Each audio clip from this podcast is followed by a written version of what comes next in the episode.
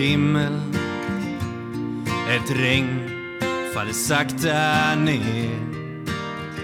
Det får mig att minnas en stad En stad jag lekte i som barn. Grågrå människor i svarta, så svarta kläder. Men jag min sorglösa dag Ett vackert minne.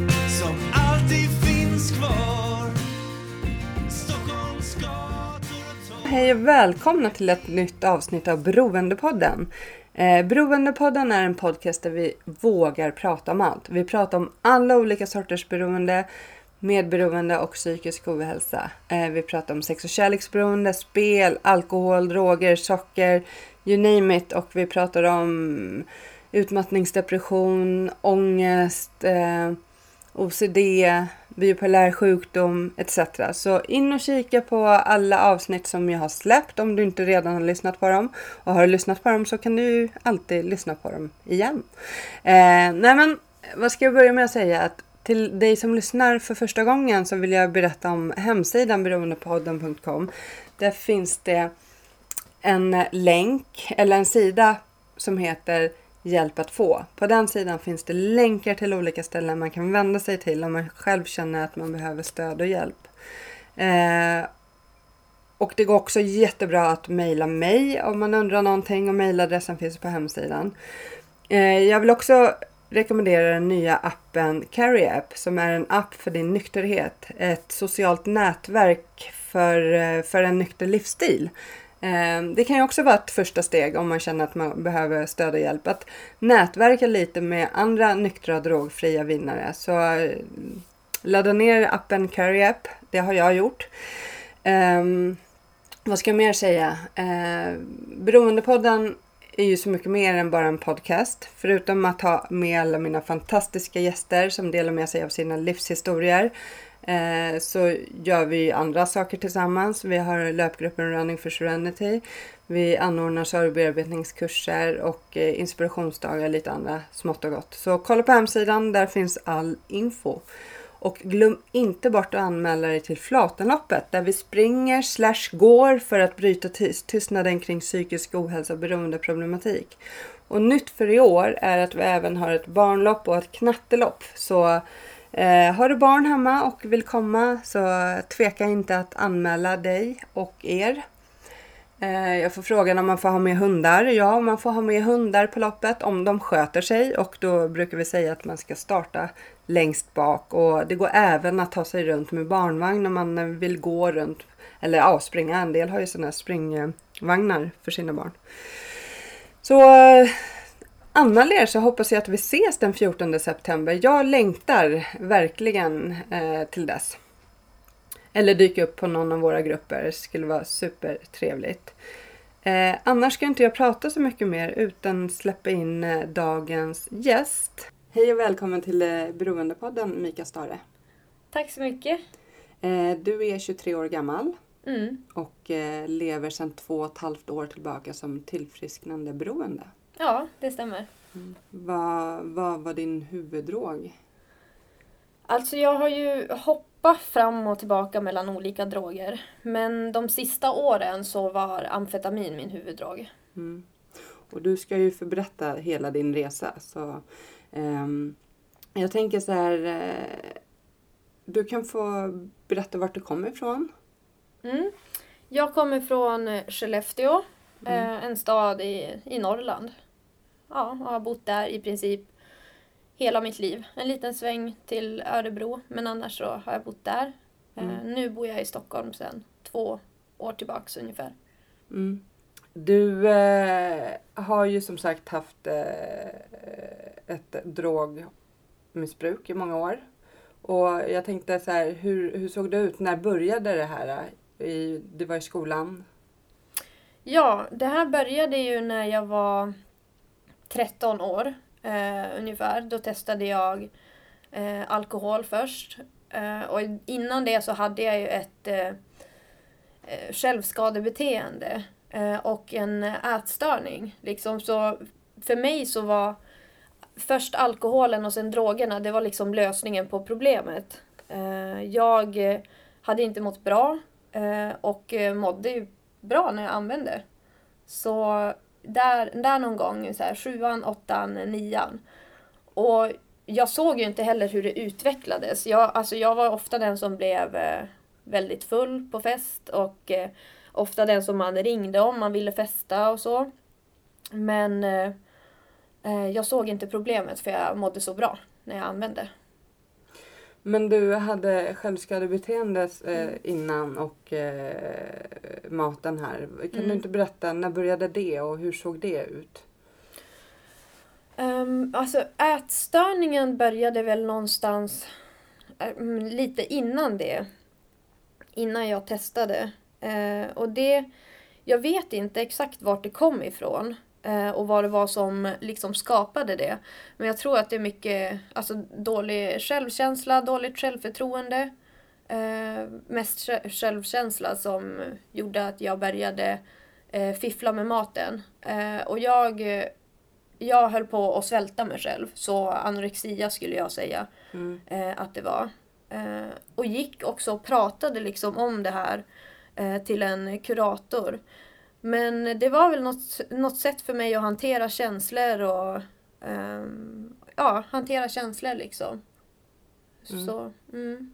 Och självskadebeteendet var väl likadant. Liksom någonting som släppte, eh, ja om jag, om jag hade ångest så släppte ångesten. Men vad var det du gjorde då? Alltså, Då så skar jag mig. mm, Mm. mm. Och det här Så. var redan då i mellanstadiet? Nej, det här, det här började också liksom i högstadiet, i början av högstadiet. Eh, men det, just att jag, att jag skar mig fortsatte inte långt in, för sen hittade jag, alltså det, ehm, vad ska man säga, ätstörningen tog liksom över. Och så sen drogerna. Så då kunde jag släppa det eh, på något sätt. Så du från eh, tidig ålder har liksom haft mycket ångest och dålig självkänsla? Mm. Ja, dålig självkänsla och mycket ångest. Mm. Mm. Men hur, ja, hur, eh, när du då hittade drogerna, hur eh, var det alkohol? Mm. Det var alkohol i början. Eh, och jag älskade ju att dricka liksom, så jag fortsatte med det. Men sen när jag var runt eh, 15 så eh, testade jag att eh, röka på cannabis första gången. Och eh, fastnade för det också. Eh, och eh, slutade i princip festa. Och då var jag ganska trött på att festa också. För att jag ofta blev fullast och det var mycket konsekvenser eh, av mitt festande. Så jag tyckte det var skönt när jag började röka på istället och slutade festa och kunde stanna inne liksom på helgerna. Så, och det utvecklades ju snabbt till att bli från att gå till att ha festa kanske fredag, lördag, ibland onsdagar så utvecklades ju det här eh, eh, cannabisberoendet liksom till att röka på varje dag. Eh, när jag började gymnasiet så var det eh, ja, nästan dagligen som jag rökte på. Och jobbar du något extra då? Eller jag, jag tänker så här, jag bara, Mm. hur har man råd med det? Som eh, Ja, man går i... nej men jag har ju... Ja. Ehm, nej men jag, alltså när jag växte upp så har jag väl alltid haft liksom uh, till, alltså eller vad ska man säga, jag fick eh, jag fick ofta pengar liksom till att köpa, ja men kanske äta mat eh, ute och sånt. Och så använde jag de pengarna, eftersom jag fortfarande var i den här ätstörningen, så använde jag ju de pengarna till att köpa, ja men till exempel alkohol. Sen när jag började röka på så sökte jag mig till vänner som eh, sålde, till exempel. Och som tjej, det är ju skillnad på att vara tjej och kille där ute. Som tjej blir du ganska ofta bjuden. Så jag hade ju den fördelen, liksom att kunna bli bjuden av killkompisar och, och så. Eh, och senare när jag, eh, ja men när det hade liksom utvecklats så, så, så fick jag min första, jag fick min första lägenhet just när jag fyllde 18. Och då flyttade en eh, kompis in till mig. Och han fick bo hos mig gratis. Men han eh, sålde också. Så jag hade gratis eh, droger i princip. Och det är väl så jag har eh, löst det ofta. Liksom. Ja. Men du, eh, när du rökte på dagligen, du eh, kände Mm. inte att, det, att du hade något problem och tänkte i de banorna då? Nej, jag, jag vägrade ju liksom att se det. Eh, och eh, alltså det tog ganska lång tid innan jag insåg att det var ett problem. Jag försvarade ju drogerna jättemycket liksom och pratade jättegott om, om det till andra för jag tyckte att det hade eh, gett mig så mycket. Mm. Eh, och jag kunde inte se, alltså jag skyllde mycket problem liksom på skolan och de runt om istället för att skylla på drogerna. Eh, jag hade börjat få liksom i början så gav det mig mycket positiva saker men efter ett tag så började jag få liksom panikångestattacker och, eh, och så. Och även då så kunde jag liksom skylla på skolan, att det var så mycket press därifrån och att jag inte klarade av det. Och det gjorde ju till slut att jag, eh, jag hoppade av skolan. Mm. Eh, och eh, tyckte att det hade liksom löst mina problem. Och där började jag också, jag har alltid varit en sån som hoppar från eh, drog till drog liksom. Och när andra kanske har stannat kvar, eh, många som jag använder med, så har jag blivit rastlös, jag har tyckt att det har varit tråkigt och likadant med rökat, likadant som med alkoholen, att då börjar jag byta upp och testa andra droger och söka nya umgängen. Så där någonstans hade jag också, när jag hoppade av skolan, då var jag Mm, jag, hade, jag skulle, skulle fylla 19 eller något sånt. Och då hade jag redan börjat alltså, experimentera med mycket annat också. Så det var alltså Sub- Subutex eh, Mm. som jag höll på med eh, då. Och så hade det varit mycket annat som ecstasy och eh, bens och sånt. Hur var omgivningen då? Alltså märkte nära... Uh, ja, alltså jag tror ju att... Uh, eller alla märkte ju såklart, men jag började ju stöta undan dem liksom. Alla som kunde säga någonting om mitt beroende tryckte ju jag bort. Uh, alla gamla vänner liksom och, och familjen och sånt umgicks jag så lite som möjligt med. Jag tog ju knappt hem någon till min lägenhet. De enda som var hemma det var liksom de som jag använde med. Och min, min lägenhet var ju också ett sånt ställe som det kom och gick folk hela tiden. Och, och man, ja, man kunde komma dit och liksom använda. Och så sen mina föräldrar fick eh, inte komma dit liksom. Jag släppte inte in dem så. Så jag tror ju såklart att de såg att det började gå illa. Men samtidigt så var det svårt att nå fram till mig. Mm. Mm. Men eh, sen så... Eh, du slutade med självskadebeteende. Ja, alltid självskadebeteende. Men du slutade själv. Och, så du hade ju liksom drogerna och... Ja. Men maten, hur såg det? Maten. Den, Ja, maten har alltid funnits kvar. Ja. Liksom, och den har ju gått hand i hand med, med mitt beroende hela vägen. Mm. Och det har också varit jättebra. För att när du använder så... Dels så har du inte så mycket pengar till att äta. Har du pengar och du ska köpa Mm. mat eller droger så köper du droger. Så jag tyckte ju lång tid att det där var alltså liksom perfekt för mig. För att jag höll mig liksom smal också och, och jag fick... Eh, ja men jag tog droger istället. Mm. Så det här var väl... Problemet med maten har funnits kvar ända tills min eh, andra behandling som jag gjorde. Eller min, ja, min sista behandling som jag gjorde. Så det, det var många år liksom, Mm. som det satt, eh, satt kvar. Mm. Mm. Men du eh, i, eh, var också i en eh, väldigt destruktiv relation. Mm. Som, Eh, det är ju lite senare. Det är efter min, eh, efter min första behandling mm, som jag träffade den här mannen. Men berätta, hur, hur, din första behandling, hur Mm. gammal var du då? Eh, då var jag 19. Mm. eh, på min första. Och då hade jag fått valet att... Eh, alltså jag hade använt och jag hade blivit tagen av eh, polisen många gånger. De plockade in mig mycket direkt jag fyllde 18 så började de liksom plocka in mig. Eh, i- säkert ett sätt att försöka få mig att sluta. Men det var ju inte... Jag fick ju böter på böter liksom istället. Så, ehm, sen tog jag en... Eh, en, eh, överdos, en omedveten överdos och hamnade på sjukhuset och då hade jag fått några orosanmälningar på mig. Eh, och när jag vaknade upp så slet jag av med sladdarna och gick därifrån i princip. Jag var fortfarande så inne i det här att jag skulle använda. Jag hade inte gett upp liksom och eh, gett upp drogerna då.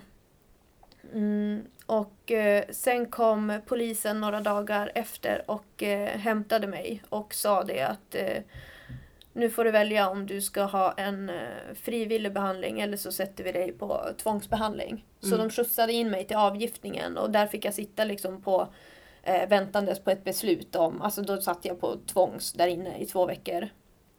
Eh, men jag valde ju frivillig behandling. Eh, och var väl inte riktigt redo att sluta. Eh, men eh, tänkte att jag ger en chans. Så jag åkte iväg på ett behandlingshem och skulle stanna tre månader. Mm, och eh, under tiden så satt eh, min pojkvän som jag hade då, han satt häktad. Eh, och vi skrev mycket brev till varandra. Från, ja, men han från häktet och jag från behandlingshemmet. Så det blev så varje vecka. Mm. och pratade ju om, om att sluta liksom. Och jag hittade ju någonting där på behandlingen. Jag började gå på möten, 12, eh, 12 stegs eh, program och så här, möten och sånt. Och eh, ville väl ändå försöka liksom, men jag var inte hundra ändå. Jag gav det liksom inte hundra utan jag gjorde lite grann och så sen då gjorde jag lite som jag ville och så. Eh, men sen eh, så efter tre månader ungefär så fick jag ett samtal för då hade min eh, kille blivit, han hade blivit släppt och eh, jag hade haft jättesvårt eh, att veta om jag skulle ha kontakt med honom eftersom han hade tänt på när han kom ut. Eh, så jag hade pratat med honom och så sen hade jag inte pratat med honom och så hade det hållit på sådär. Eh, men så fick jag ett samtal att han hade gått bort i, han hade dött i en bilolycka när de hade varit ute och kört och de hade varit påtända. Och där någonstans var det väl också som att jag valde om jag skulle, om jag skulle fortsätta eller om jag skulle använda. Eh, och jag, jag försökte stanna på behandlingshemmet men jag, jag vet inte oavsett om det här om det hade funkat då för jag vet inte om jag var klar. Men det här gav mig ju ännu en anledning att gå ut och använda igen. Så jag åkte därifrån och, eh, och använde på det. Och det var liksom den värsta tiden i mitt användande. Bara destruktivt och, eh, och hemskt liksom. Och det var där också som jag träffade den här eh, eh, mannen då som inte behandlar mig. Det, det är min, vad ska man säga, min eh, pojkvän efter att, eh, att Jesper som han heter efter han hade dött. Jag träffade han på behandlingshemmet på ett annat behandlingshem eh, och eh, vi hade umgåtts och så. Sen åkte jag därifrån och åkte hem liksom. Och sen eh, hörde den här eh, mannen av sig till mig och eh, ja, men bestämde sig för att han också skulle åka från sitt behandlingshem. Och eh, kom upp till eh, Skellefteå och ja, sen festade vi kanske några veckor sådär. Och så tänkte jag väl att han skulle väl åka hem liksom. Men så blev det inte, utan det blev att han liksom övertalade mig och följa med ner i Sverige och där börjar väl också eh, ett förhållande liksom med han som var eh, allt annat än bra. Eh, men jag var också i det stadiet liksom, alltså jag var väldigt lätt att nå också eh, efter Jesper hade gått bort. Jag var väldigt obrydd. Jag, jag, bryd, jag brydde mig inte alls om jag skulle åka söderut. Jag tänkte nästan ja, men jag kan följa med dit och så kan jag använda tills jag, tills jag dör. Liksom, jag hade inte tänkt åka hem igen. Eh, så väldigt, väldigt mörkt var det då. Mm. Vad var det som hände i, i relationen? Så... Alltså det här... Vi åkte ju söderut för att, eh, ja, för att fixa droger, för vi skulle sälja droger. Och så sen då, det är ju alltid... Eh, ja men det är alltid någonting, någonting som går snett liksom. Eh, så vi, eh, vi höll ihop ett tag och så sen åkte jag hem en sväng och så sen åkte jag tillbaks. Och hela den här tiden eh, när jag var med han där nere och när jag åkte hem, allt det här, de här månaderna är liksom suddiga för mig. För jag var också så eh, påverkad under tiden så jag har så dåligt tid, tidsperspektiv. Men det började väl med att eh, jag hade åkt ner till han och han hade eh, han hade ett jobb som han höll på med då, och ett vanligt jobb alltså. Eh, och eh, vi festade mycket. Eh, och så sen eh, en kväll så började vi bråka och han eh, eh, liksom hotade mig och eh, kastade, han kastade sönder min mobil. Eh, och så sen då eh, puttade han in mig i, vi bodde på hotell då, han puttade in mig i hotelldörren och så sen släpade han ut mig liksom i hotellkorridoren i, i håret, tror jag att det var. Jag, jag är också ganska påverkad men jag minns, det här är liksom fragment av den här händelsen. Och där började det väl, eh, själva, det var första gången det hände någonting. Och jag åkte därifrån eh, efter ja, någon, någon dag sådär när jag hade fixat någonstans att åka för jag var långt hemifrån och jag åkte till min närm närmsta kompis som uh, tog emot mig. Och så sen eh, åkte jag hem och så hördes vi inte. Sen gick det ett, ett tag liksom och han bad om ursäkt och jag förlät han för det och jag var väl inte heller på något ställe där jag älskade mig själv. så jag eh, åkte ner igen någon gång och umgicks och så gick det bra ett tag och så började det började liksom vara sådana här händelser som blev oftare och oftare. Och jag flyttade ju, som jag sa, så bodde jag i Örebro en liten sväng och då var det ju när jag flyttade ihop med han. Och då skulle ju vi även försöka bli nyktra, båda två. Eh, eller ja, nyktra. Och försökte väl, han är också med i ett eh, tolvstegsprogram. Så han kämpar ju också liksom med det här beroendet. Eh, men vi har ju aldrig kunnat hålla oss drogfria tillsammans, någonsin. Mm. Och till slut, alltså det är många som liksom Alltså man kan säga, eller undra varför man inte lämnar någon när man är där. Men man är också väldigt utsatt eh, i en sån situation. Och jag, alltså min... Som jag säger, min värsta tid var efter den här behandlingen och även tiden liksom med honom. Och när jag flyttade till Örebro, jag bodde där i ungefär ett halvår med han. Och jag är så långt ifrån min familj, långt ifrån mina vänner och jag är med den här mannen som behandlar mig så här. Men jag är också i den här stunden liksom så nedbruten i det här och jag tror på eh, det han säger. Bland att det är liksom det är mycket så här att det är mitt fel och eh, att, ja men, ja men mycket sånt där och jag tror ju på det till slut. Eh, och när, jag minns när jag eh, första gången som han blev eh, anmäld så var det inte, alltså det var inte jag som valde att gå till polisen utan det var så allmänheten, det var ett vittne som såg det och som skjutsade in mig till polisen vilket jag otroligt tacksam för. För det räddade ju mitt liv i, i längden liksom. Mm. Eh, och eh, eh då så då så var det väl också på någon, någon gräns, liksom, när det hade hänt och det hade synts, det var liksom mitt ute på ljusa dagen och det var många som såg och sånt.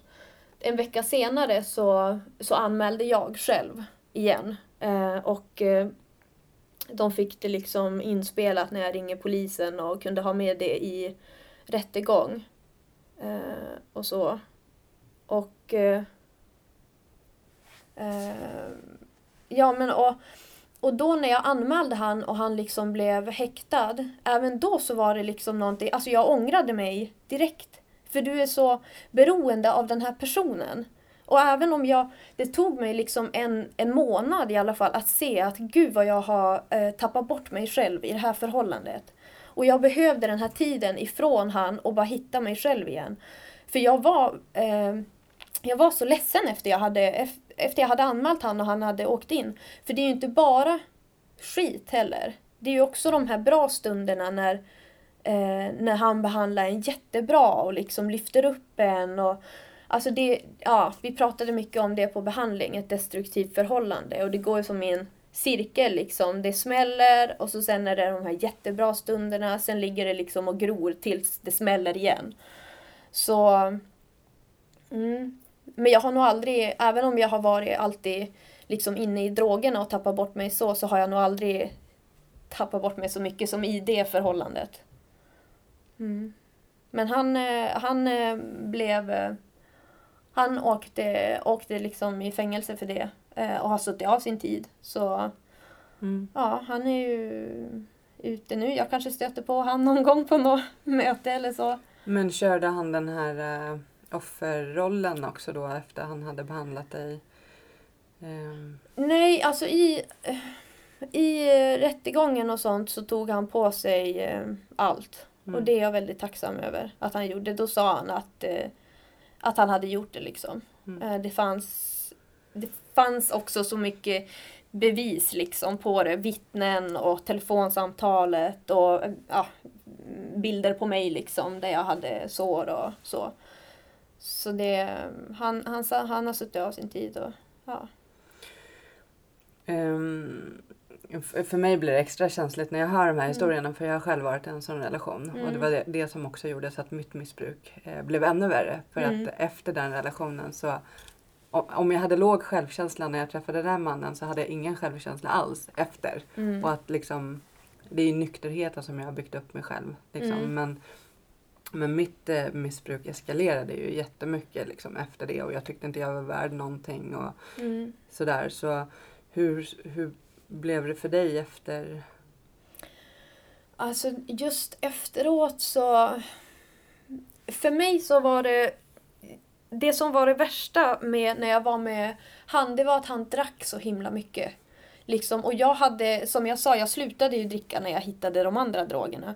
Men med han, så för att liksom klara av att vara med han, så drack jag också väldigt mycket. Och jag... Alltså, jag kan inte säga att jag hatar att dricka, för jag drack ju ändå. Men eh, jag tyckte att det var, när han åkte in, jag tyckte det var skönt för jag slutade att sluta just med alkoholen. Men jag fortsatte ju med allt det andra.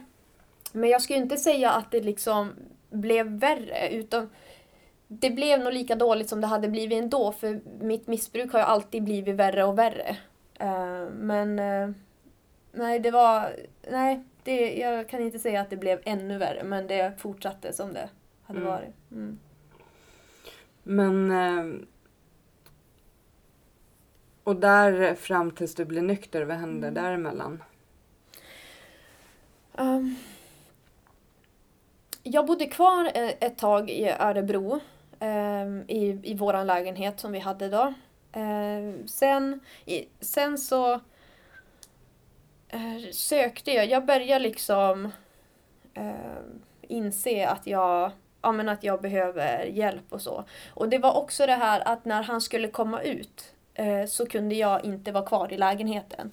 Jag visste det att om jag är kvar i lägenheten när han kommer ut kommer jag aldrig att ta mig ifrån eh, drogerna. Och jag hade också fått min advokat, eller vad heter det, åklagare eller advokat, Mm, advokat? Ja.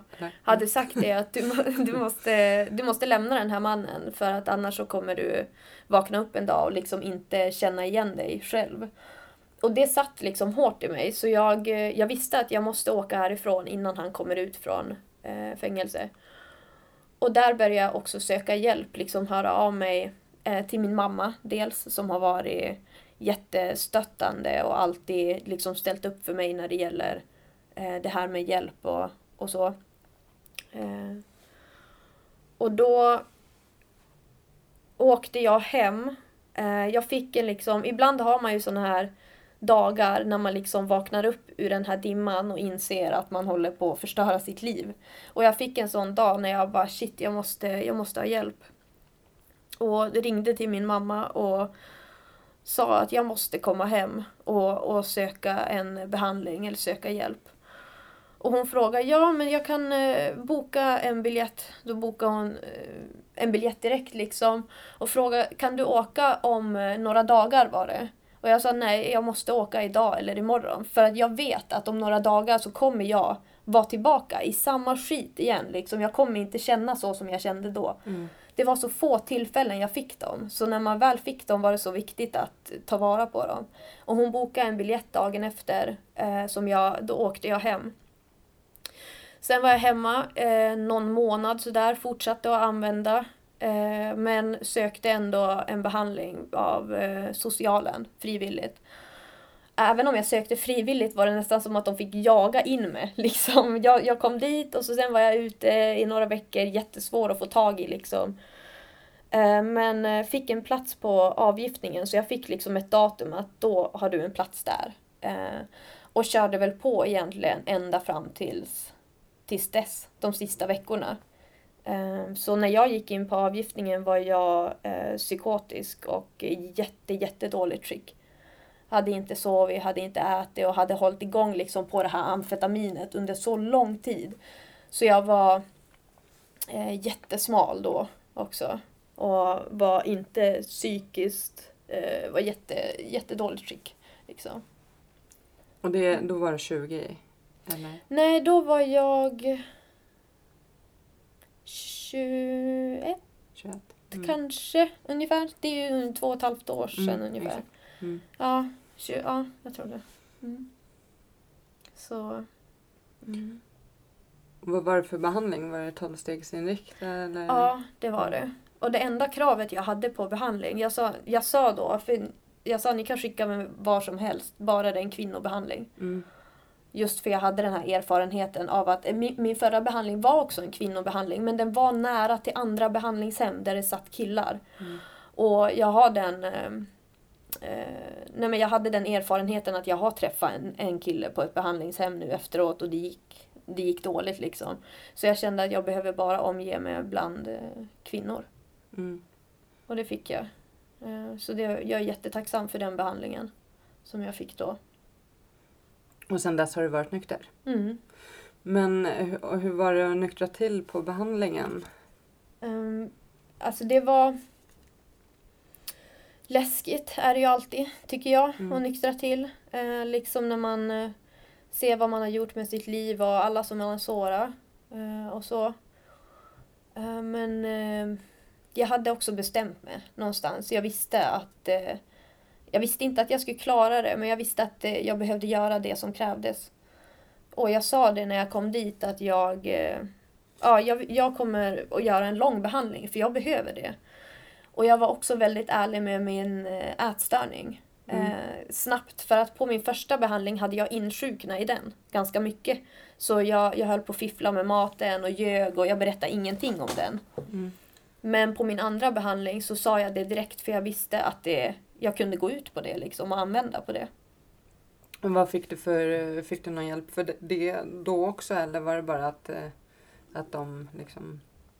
Eh, alltså, för mig så var det stort att berätta, men jag fick eh, hjälp genom att de är ju inte inriktade på ätstörningar.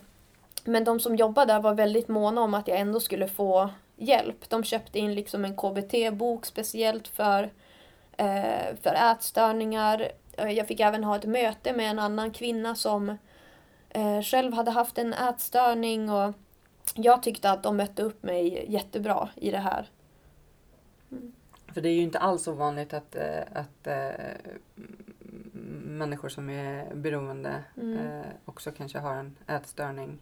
Jag träffar ju väldigt många kvinnor framför allt som Mm. har haft det först och sen så börjar de dricka. Så det, det är viktigt att eh, tala om det, att, eh, Mm. att man kan ha båda liksom. Mm. Men eh, på behandlingen, eh, hur länge var det där? Nio månader. Mm. Mm. Och hur många kvinnor är där samtidigt eller var där samtidigt som dig? Mellan 10 till eh, 15 som max skulle jag säga. Men Mm. runt 10 ungefär. Mm. Mm. Och där får du lära dig allt om bero, bero- beroendesjukdomen då Mm. eller? Ja. Förstod du att det var en sjukdom? Alltså Mm. kunde du ta till dig det? Alltså jag hade ju hört det på min förra behandling. Eh, men inte riktigt tagit till mig det. Eh, men den här gången så kunde jag göra det. Eh, och det var också skönt att göra det liksom. För innan så går man ju runt och tänker att man är en värdelös människa som inte kan sluta använda. Eh, och man förstår liksom inte varför. För folk runt om mig gjorde ju inte så. Eh, så ja, jag, tog, jag började att ta till mig det. Och det hjälpte mig mycket också att göra det. Men jag var också så väldigt öppen för allting när jag kom dit. Jag hade liksom inga... Alltså det, de brukar säga fake it till you make it och jag körde liksom på den. Att jag bara, om de säger att det är en beroendesjukdom, då är det det. Om Mm. de säger att jag ska göra det, då gör jag det. Och jag var verkligen villig att göra det som krävdes. Mm. Ehm, vi skulle ju faktiskt kunna lite, det var länge sedan vi drog det i podden, men eh, liksom berätta hur beroendesjukdomen ser ut med de tre delarna. Är du bra på att berätta? Tre delarna? Eh, mm, mental besatthet, Ja. fysisk allergi, andlig bristsjukdom. Det är ju så vi brukar eh, Ja. säga att sjukdomen ser ut. Ja. Ehm, men jag tänker, hur såg den mentala besattheten ut för dig? Om du liksom Mm. så här, nu ska jag sluta och sen så... Ja, alltså när jag använde den mentala besattheten var ju egentligen den värsta delen i mitt beroende skulle jag säga. Eh, Mm. För att jag eh, jag kunde bestämma mig liksom på morgonen att idag ska jag inte använda. Och mitt huvud liksom bara så här, sa till mig hela tiden att ja men du, du kommer att använda, du kommer att använda. Och så sen kunde jag hålla emot liksom. En timme, två timmar, tre timmar, sen gav jag alltid upp. Mm. Så den här, men alltså det fanns ingenting liksom som kunde tysta den där rösten i mig. Att jag måste fixa. Jag måste fixa hela tiden. Pengar eller droger. Och det var ju det första jag tänkte på när jag vaknade och det sista innan jag somnade. Det var liksom allt som mitt huvud bestod av. Eh, och eh, så kunde jag göra i liksom inte i början, men när, när jag hade upptäckt att den här besattheten fanns där. I slutet så stod, försökte jag inte ens stå emot. Jag försökte inte ens vänta en timme utan jag bara direkt gick ut och fixade. Eh, så ja, det var så den yttrade sig för mig. Och den fysiska allergin, ehm, det är ju liksom Tar man den där första ölen eller första Mm. drogen, eh, det kan Mm. ju beroende på vad man har för drog, så är ju hela karusellen igång liksom. Så det, är, Mm. man, det är ju en är för liten, tusen aldrig nog brukar man Mm. säga. För mig var det, och för, för de flesta är det ju så här, ju mer jag drack, ju Mm. törstigare blev jag. Mm. Ju mer jag tog, ju mer ville jag ha. Liksom. Det, Mm. det blev ett sånt sjukt merbegär. Liksom. Ja. Ehm, och sen den andliga bristen. Eh, Upplevde du det här äh, själsliga hålrummet som jag har haft? Eller Ja. har, men jag fyller det med bra saker idag. Mm. brukar jag säga. Ja men verkligen. Och det är väl därför jag också behövde eh, ett tolvstegsprogram. Det har funkat jättebra för mig. För jag hade, innan jag kom till behandling hade jag liksom ingen mening med livet. Eh, jag kände inte att det var värt att göra någonting i princip. Och ja men menings, meningslöst kände jag att det var. Eh, men eh, jag behövde hitta någon slags andlighet i mitt liv. Och jag brukar liksom koppla andligheten till meningsfullhet. Mm. också. Så, mm. Men du blev ren på behandlingen. Mm. Eh, och sen kom du ut därifrån. Mm. Vad gjorde du då? Ja, eh, det, det var ju på behandlingen som jag började springa också. Mm. Mm. Men du är ju gammal, gammal idrottstjej från grunden va? Lite fotboll och sånt. Ja, fotboll. Exakt, jag gick så fotbollsklass och sånt. Så Ja. jag höll på, idrott har alltid varit ett stort intresse innan drogerna kom in i bilden. Mm. Eh, så jag började med löpningen för att den var, det var så lätt liksom, ta på sig skorna och fara ut och springa och så. Vi hade tillgång till gym en gång i veckan men det var för lite för mig. Jag behövde röra på mig. Eh, och så när jag kom ut från behandlingen då hade jag sökt en eh, idrottsfolkhögskola för att liksom inrikta mig på bra saker och sporten hade alltid funnits där. Så jag sökte en linje som hette sport och äventyrspedagog Mm. eh, här i, i Stockholm då. Så då flyttade jag ut eh, hit och bodde på internat och började gå den eh, folkhögskolan. Och fortsatte med, med idrott och träning och, och så. Men du gick också på tolvstegsmöten samtidigt. Ja, Ja. det har jag hållit fast vid liksom hela tiden. Och jag hade sponsor och nu har jag sponsier som jag vägleder och, eh, och gör liksom service i det här tolvstegsprogrammet. Mm. Så, men för mig var det jätteviktigt när jag skulle komma ut att eh, ha en plan. Mm. Eh, och jag var väldigt inställd i början på att flytta hem igen. Men sen hade jag någon permis, alltså när jag åkte hem och hälsade på, som jag eh, tyckte var väldigt jobbig. Jag mådde inget bra och jag fick direkt tankar på att gud, jag kan ju gå till grannen. Så nära var drogerna hemma.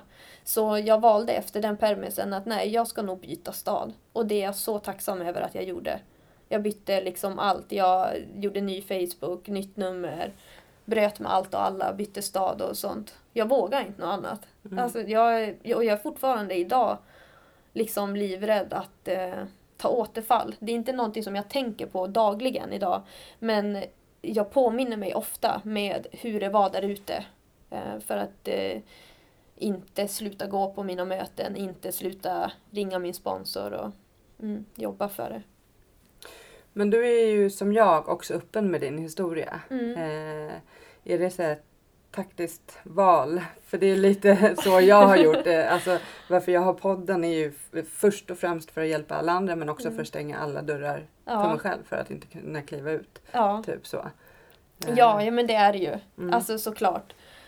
Eh, Jag var väldigt öppen med, med, när jag kom till den här skolan, liksom att eh, inte direkt kanske att jag hade en beroendesjukdom, men vi hade liksom en dag där vi pratade om eh, eh, funktionshinder, psykisk ohälsa och sånt. Och då sa jag till mina lärare, jag skulle gärna prata om beroendesjukdomen. Så satt jag liksom inför skolan och bara, hej, jag heter Mika, jag är en beroende. Mm. Och så berättade jag. Och det var ju så många som inte visste om, så blev chockad liksom. För man ser ju inte på oss att vi har varit där vi har varit. Men det var ju för att stänga alla dörrar. Att så här, liksom ingen ska eh, inte veta om. Skulle de se mig med en öl i handen, skulle de, alltså då vet de direkt att nu är jag ute på hal is och, Mm. och så. Så ja, ja, det är dels för min skull, men nu har det också blivit ett sätt att inspirera andra. Och det ger mig jättemycket. Men vad har du fått för eh, liksom, eh, reaktioner från omgivningen? När du, alltså, för det finns ju, vi som är beroende vet ju eh, hur sjukdomen fungerar Mm. och, alltså, så, och så. Men det är ju väldigt många som är väldigt oförstående fortfarande känner jag. Har du upplevt det något? Ja, alltså jag, jag får ju jag får jättemycket peppande ord på min Instagram. Och jag har i princip inte fått en enda dålig kommentar. Eh, vilket jag är otroligt tacksam över. Men jag har ju också, alltså det har varit kul på ett sätt för jag möter ju de som inte har en aning om vad det här är. Som inte visste att det är en sjukdom. Som har levt liksom sitt eh, liv långt ifrån droger och sånt. Och då får ju jag berätta eh, om hur det har varit för mig. Och de, de är väldigt tacksamma. Liksom att de får en blick eh, hur det kan se ut. Och jag tror att många liksom dömer dem som de ser sitta på bänken ute och dricker eh, eller så. Och inte liksom ser att det är en person bakom det där. Eh, så jag vill gärna liksom prata med dem som inte vet någonting om det också. Mm. Hur, eh, jag tänker så här, jag som löpare, jag har ju fått höra mycket så här, ah, men du springer ifrån din ångest eller du Mm. springer, det har bara bytt beroende. Så, eh, får du också sån eller, eller vad har du för förhållande till löpning? kanske, jag kanske inte ja. ska ställa den frågan här i podden. Nej men Jo, skämt åsido. Men, Ja, nej, men jag, jag känner igen det. Eh, men de var väldigt noga på min behandling att det inte fick eh, bli självdestruktivt Mm. med löpningen. Så jag har ju eh, försökt hålla balans på det. Såklart så finns det gånger när jag har försökt springa ifrån mina problem. Men jag skulle säga nio av tio dagar så använder jag löpningen på ett bra sätt. Mm. Sen har jag haft perioder där jag har känt mer, för jag lider också av, eh, eller lider av, men har prestationsångest. Mm. Så där har jag haft perioder när jag har verkligen fått stanna upp och liksom, okej, varför springer jag? Det är väldigt viktigt för mig att titta på, gör jag det här för det är en bra sak för mig eller försöker jag att fly ifrån någonting, försöker jag att liksom skada mig själv? Eh, Men i, idag skulle jag säga att jag har ett väldigt sunt förhållande till löpningen och jag uppskattar varje pass, pass i princip som jag är ute så. Mm. Och precis eh, så är det ju liksom att, eh, att eh, kolla på och, och är man en beroende och har slutat med sin drog så är det ju lätt att man går in i andra grejer. Mm. Men, men det jag har med mig nu det är just det här att kolla på de sakerna jag gör. Varför gör jag det? Är det bara en, är, är det en ny flykt eller gör jag det för att jag älskar det? Liksom så. Sen så är det ju jätteskönt att ibland kunna ta till löpningen också om det har hänt något och så mår man ju faktiskt bättre efteråt. Men så länge det inte slår över och blir eh, något destruktivt liksom. Mm. Ehm, men eh, för annars är ju också löpning är ju jag är ju förespråkare för träning men framförallt löpning för att det också är vetenskapligt bevisat eh, bland det bästa man Mm. kan göra om man har ångest, depression, stress och så. Liksom. För att det påverkar vår mentala hälsa lika mycket som vår fysiska hälsa. Mm. Så det är ju ett superbra verktyg att komplettera med som en beroende. Mm. Eh, för att kanske få en ännu bättre nykterhet eller balans eller vad man ska kalla det. Liksom. Ehm, men jag tänker med din ehm, eh, ät, eh, matproblematik. Hur, eh, Mm. liksom, du, hur har, har fått Alltså jag är tror... frisk, eller tillfrisknande? Jag tror att där har också löpningen hjälpt mig otroligt mycket faktiskt. Mm. För att när man tränar så pass mycket som jag gör så måste man äta. Mm. Eh, och det har varit väldigt skönt för mig att liksom se det. Att okej, nu äter jag för att jag ska faktiskt orka springa en mil idag. Mm. Eh, och jag tror med tiden har det löst mycket. Och sen har jag jobbat i den här eh, jag kan tipsa om den boken, Lev med din kropp. Det är en KBT-bok som du kan jobba själv i och liksom gå igenom det flera kapitel eh, som man gör. Och jag tyckte den var väldigt bra. Den hjälpte mig att eh, ja, men komma över det här. Sen tror jag tiden också. Tiden, löpningen och den här boken. Vara öppen om det har Mm. hjälpt mig. Idag liksom, jag vill vara vän med mig själv. Eh, Jag har varit så dålig vän med mig och behandlat mig så dåligt i så många år. Och jag vill inte göra det. Nå- någonting mer. Liksom det, jag vill behandla mig själv med respekt och med kärlek och ta hand om mig själv. Och, så idag skulle jag säga att jag är frisk ifrån det. Mm. Och det är väldigt skönt. Mm. Mm. Fantastiskt. Vi, jag tänker, vad har du för... eh, har du några speciella rutiner på en dag? Har du eh, verktyg som du dagligen Mm. använder dig av? Så, Eh, alltså för mig är ju morgonen jätteviktig. Att jag går upp i tid. Mm. Eh, ingen stress på morgonen. Eh, jag läser eh, en text liksom som handlar om tillfrisknandet. Eh, för jag tänker att min beroendesjukdom vaknar samtidigt som mig och då måste jag liksom påminna mig om tillfrisknandet. Eh, sen har jag ju hund eh, Mm. också så gå ut med hunden och eh, äter frukost. Alltid äter jag frukost annars kan jag liksom inte gå till jobbet. Eh, så sen brukar dagen eh, rulla på, men jag tränar ofta på kvällen. mm. Eh, och så sen är liksom, innan jag ska sova är det viktigt också att varva ner och ha den tiden. Så morgon och kväll är väl mina rutiner. Så, mm. Något sista du vill säga till de som lyssnar som fortfarande lider ute i kylan?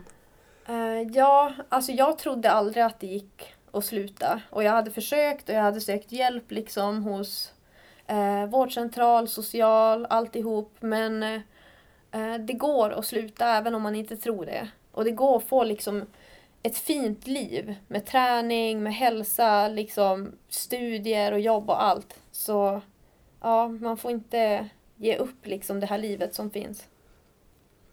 Tack så jättemycket att du kom och ville dela med dig. Och Tack. all lycka till i framtiden och på Stockholms maraton. Ja, tack så jättemycket.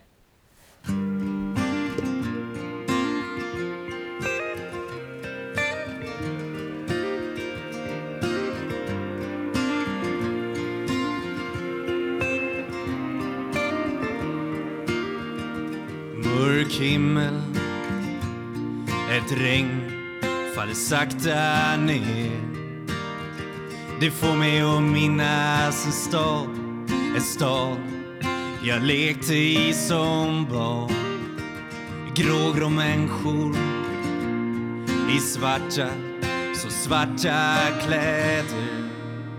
Men jag minns sorglösa dag Ett vackert minne som alltid finns kvar.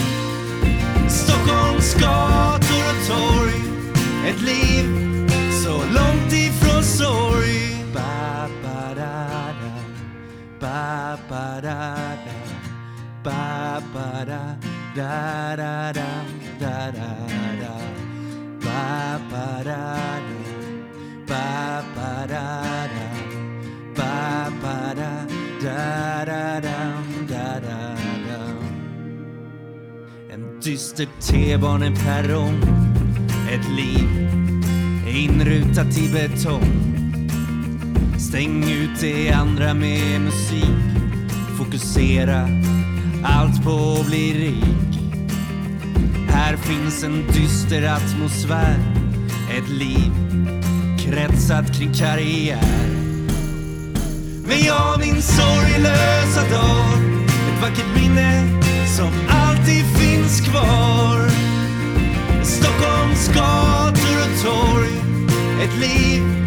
så långt ifrån sorg. Ba, ba, da, da. Ba, ba, da, da. Ba, ba, da, da, da, da, da, da, da. Ba, ba, da, da. Ba, ba, da, da. Ba, ba, da, da.